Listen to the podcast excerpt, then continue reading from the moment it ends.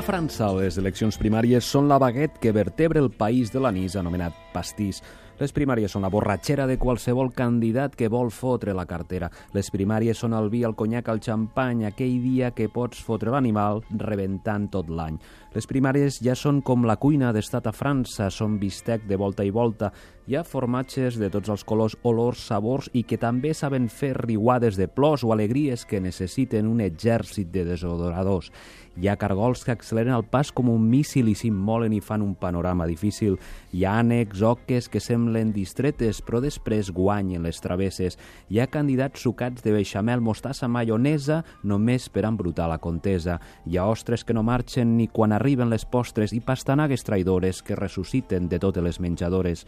Sempre hi ha mantega perquè tot ho empega. Molta, molta cuina a les primàries franceses, perquè els francesos saben cuinar, bé, o diuen que saben cuinar, perquè d'això es tracta de dir i fer veure que saps cuinar, perquè el menjar, vulguis o no, te l'hauràs d'endrapar.